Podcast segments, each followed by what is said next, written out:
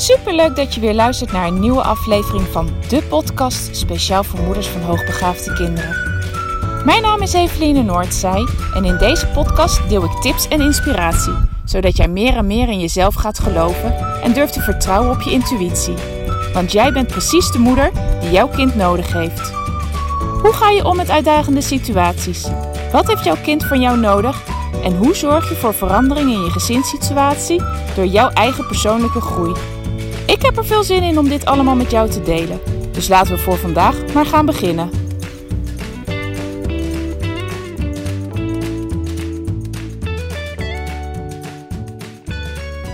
Voordat je gaat luisteren naar podcast 69, nog even een intro van mij.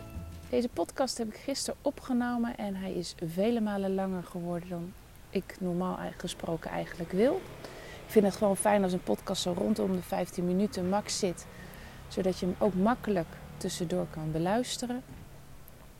Deze podcast is dik 30 minuten geworden en daarom heb ik besloten dat ik hem opdeel in twee delen. Vandaag komt deel 1 online en morgen zal deel 2 online staan. Veel luisterplezier! Hallo lieve luisteraars. Nou, vandaag weer een nieuwe dag en dus een nieuwe podcast. Ik ben even op weg naar het strand om even de rust op te zoeken om deze podcast op te nemen.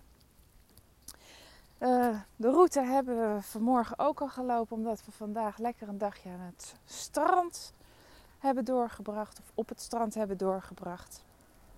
Even een rustdag en dat nadat we gistermiddag aan het eind van de middag uh, naar de oude stad van Dubrovnik zijn geweest. We hadden hier de bus genomen. En in uh, no time stonden we eigenlijk bij de oude stad. En ja, het was echt zo mooi als dat ik uh, verwacht had, gehoopt had. Al jaren zeg ik dat ik heel graag een keer Dubrovnik wil bekijken. Omdat ik nou, gezien en gehoord heb dat het gewoon heel erg mooi is. En nou, dat, dat, dat is het ook gewoon. Het is een hele leuke oude stad. Niet heel groot, maar wel gezellig, mooi. Uh, veel kleine, smalle straatjes waar je doorheen kan. En ik ben dan zelf nog nooit in Venetië geweest. Mijn man wel. En die zei van ja, dit is echt nog veel mooier dan Venetië. Dus uh, nou, ik, iedereen vond het eigenlijk heel erg leuk. Heeft zich goed vermaakt. En uh, we zijn er een paar uur geweest. We waren rond half acht, acht uur alweer terug hier op de camping. Want nou, dan begint het ook donker te worden. En uh, ja, moeten de jongste twee gewoon richting hun bed. Uh, maar we gaan zeker van de week nog een keer. Dat is ook wat de kinderen zeiden. Het is echt een mooie oude stad. Gaan we binnenkort nog een keer. Dus dat gaan we zeker doen. Maar vandaag even een rustige dag aan het strand. En dat is niet iets waar ik mega behoefte aan heb. Ik, uh, zo heel af en toe eens een keer naar een strand vind ik prima. Maar ik merk dat ik mezelf daar toch niet zo heel goed kan, uh, kan amuseren. En, hè, natuurlijk een beetje zwemmen en een beetje uh, tennissen. En nou ja, van alles te doen. Maar ja, het is niet helemaal mijn ding. Ik ga er liever op uit. Maar goed, ik snap ook dat dat niet iedereen daar altijd even veel zin in heeft. En het ook wel eens lekker vindt om een dagje niet zo heel veel te doen. Dus we zijn een paar uur naar het strand geweest. En nu uh, zitten de kinderen lekker spelletjes te doen of uh, te knutselen. En uh, heb ik eventjes tijd om een podcast op te nemen. Dus ik ben inmiddels alweer bij het strand terechtgekomen. Ik loop even een stukje door, zodat ik een beetje de rust op kan zoeken. En terwijl ik onderweg was om, uh, om deze podcast op te nemen, dacht ik van ja, waar wil ik het vandaag nou eens over hebben met jullie? Want ja, er is zoveel mogelijk, maar er is ook al, ik heb al zoveel besproken. En natuurlijk komen er dingen elke keer weer terug, maar vanuit een ander perspectief. Um, maar vandaag wilde ik eigenlijk met je hebben over de vijf pijlers in de opvoeding. Een jaar of twee geleden um, was ik heel erg bezig met, ja, weet je, naast dat hele testen van, van kinderen, het onderzoeken uh, of er sprake is, mogelijk sprake is van uh, hoogbegaafdheid. Uh, de adviezen met betrekking tot scholen, maar er speelt nog zoveel meer, namelijk de opvoeding. En ja, ik zie dat toch wel vaak als een ondergeschoven kindje. En ik wilde daar iets mee. En dat was ook natuurlijk de reden waarom ik die Facebook community begon. Ehm, maar ik dacht van ja, wat, wat kan ik ouders dan bieden? Hè? Want ik, ik ben niet iemand die zegt van nou het moet zo op deze manier. Ik wil toch ook heel graag dat je je ja, doet wat bij jou past. Wat bij jou hoort, wat bij je kind aansluit. Ik wil heel graag dat je je eigen manier doet zonder dat je vastzit aan allerlei regels en uh, ja, vaste, vaste ideeën van andere mensen. Omdat ik niet geloof dat dat werkt. En ik heb dat zelf ook ervaren. Het werkt niet als ik maar ga doen wat anderen mij voorschrijven. Want dan wordt het krampachtig. Het past. Het komt niet meer van echt vanuit mezelf. Ik ben niet meer authentiek. En dat maakt dat het dan ook heel vaak niet gaat werken. Maar ja, de, de, ik zie en ik ervaar wel dat ouders gewoon moeite af en toe in de opvoeding hebben. En dat is natuurlijk ook gewoon logisch. Opvoeden is niet altijd makkelijk en is niet altijd leuk. Maar dat hoogbegaafde kinderen toch ja, op een bepaalde manier net even iets anders van je nodig hebben. En ik dacht van ja, als ik nou nu kijk naar mezelf en ik loop ergens tegenaan, waar zit dan heel vaak, op welk gebied zit dan heel vaak de problematiek? En daarin dus ook de oplossing. En ik kwam tot vijf pijlers waarin zowel waarin, waarin je de, de, de uitdagingen die je met je kind hebt kan onderbrengen, als waarin je ook je de oplossing kan zoeken. En ik dacht vandaag, nou is het misschien wel eens een mooi onderwerp om er nog eens even door te nemen. Met jullie in deze podcast is nog niet iets wat ik eerder heb gedaan. En ik ga hem heel even op pauze zetten. Een momentje, ik kom zo weer bij je terug. Ja, daar ben ik weer. Het was even een drukte.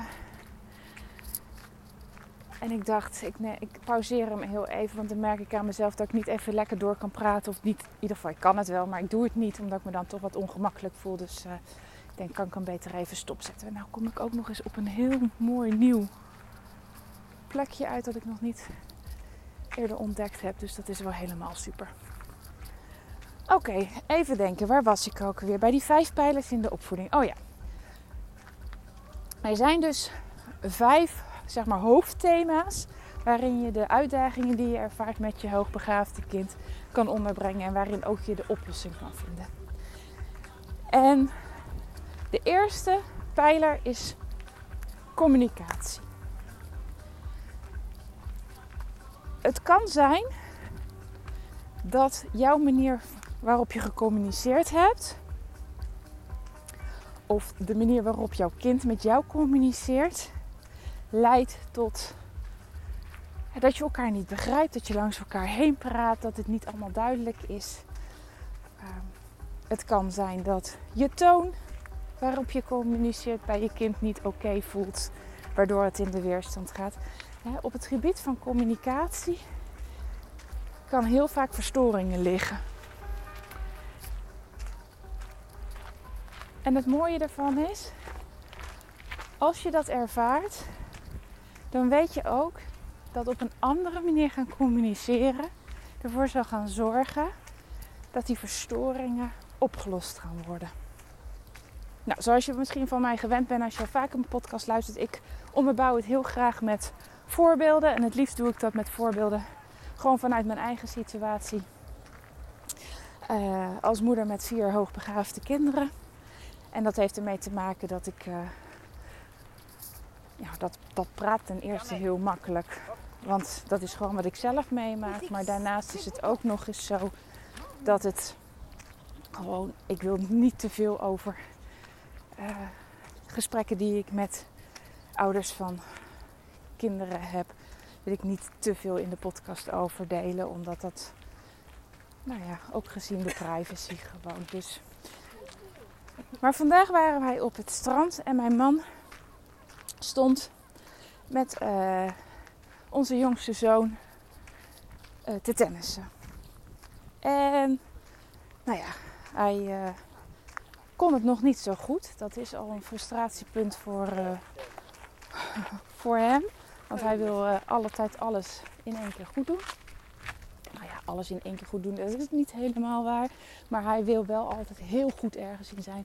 En heel erg, ja, hij is heel erg competitief ingesteld. Nou, hier bakte hij nog niet zo heel erg van. En wat dat betreft is hij wel een doorzetter. Zeker op sportief gebied. Uh, met spelletjes, met sporten. Als hij het niet kan, dan zet hij door en hij wil het gewoon kunnen. Dus dat is een hele maar hij bleef maar met mijn man uh, overspelen. En op een gegeven moment had mijn man iets gezegd. Ik was er niet bij, maar dat hoorde ik achteraf. Dat hij het nog niet zo goed kon. Nou ja, uh, soms mag dat soort dingen ook prima gezegd worden. Alleen vlak daarna had mijn man nogal abrupt het spel beëindigd. Omdat de andere kinderen ook heel graag met hem wilden tennissen. En toen werd onze jongste zoon zo ontzettend boos. En hij heeft de boel bij elkaar geschreeuwd en hij heeft de boel geprobeerd te saboteren. Zodat mijn man niet meer met de anderen kon spelen. En nou ja, op een gegeven moment heb ik hem eventjes uh, bij me genomen. Zodat het spel met de anderen ook gewoon door kon gaan. En toen aan hem gevraagd wat er nou aan de hand was. En wat was dat nou? Het blijkt zo dat hij twee dingen aan elkaar gekoppeld had. Namelijk, papa heeft gezegd dat ik het niet zo goed kan en daarom is hij ermee gestopt. Nou, dat was helemaal niet zo. Papa had dat inderdaad wel tegen hem gezegd. En even later had hij gezegd: We stoppen ermee, want dan kan ik ook met de andere kinderen. Maar dat had hij helemaal niet zo duidelijk gecommuniceerd. Dus op het moment dat ik dat bij hem navroeg, begreep ik beter waarom hij zo boos was. Want hè, zeker omdat hij zelf al zo ontzettend graag dat wil leren en wil kunnen en, en goed ergens in wil zijn. En hij koppelde ook nog twee dingen aan elkaar die niet. Ja, dat was natuurlijk helemaal uh, olie op het vuur. Dus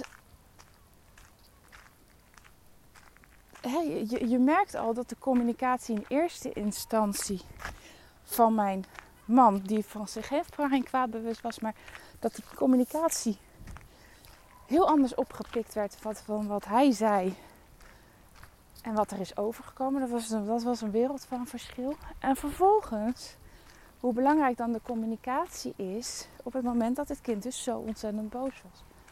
Want toen toen ik dat eenmaal wist, heb ik ook naar hem kunnen benoemen. Maar ik denk niet dat papa dit zo bedoeld heeft. Ik denk dat je nu twee dingen aan elkaar koppelt die niet bij elkaar horen. En later heb ik dat, heb, heb ik dat met z'n, hebben we dat met z'n drieën ook nog een keer besproken. Dan heb ik uh, gezegd van, joh, vertel nou eens aan papa hoe jij dat nou hebt bedacht. En toen begreep mijn man ook van, hé, hey, maar weet je, uh, hij heeft, heeft hetgene wat ik gecommuniceerd heb, heeft hij niet goed opgepikt. En toen kon het ook opgelost worden. En toen was er ook direct rust weer uh, bij onze jongste zoon. Want hij was echt heel erg overstuur. Dus, nou, dit is even een concreet voorbeeld van hoe belangrijk communicatie is. Hoe veel invloed communicatie heeft en kan hebben op het, het ontstaan van uh, struggles met je kind, maar ook hoe je het weer kan oplossen.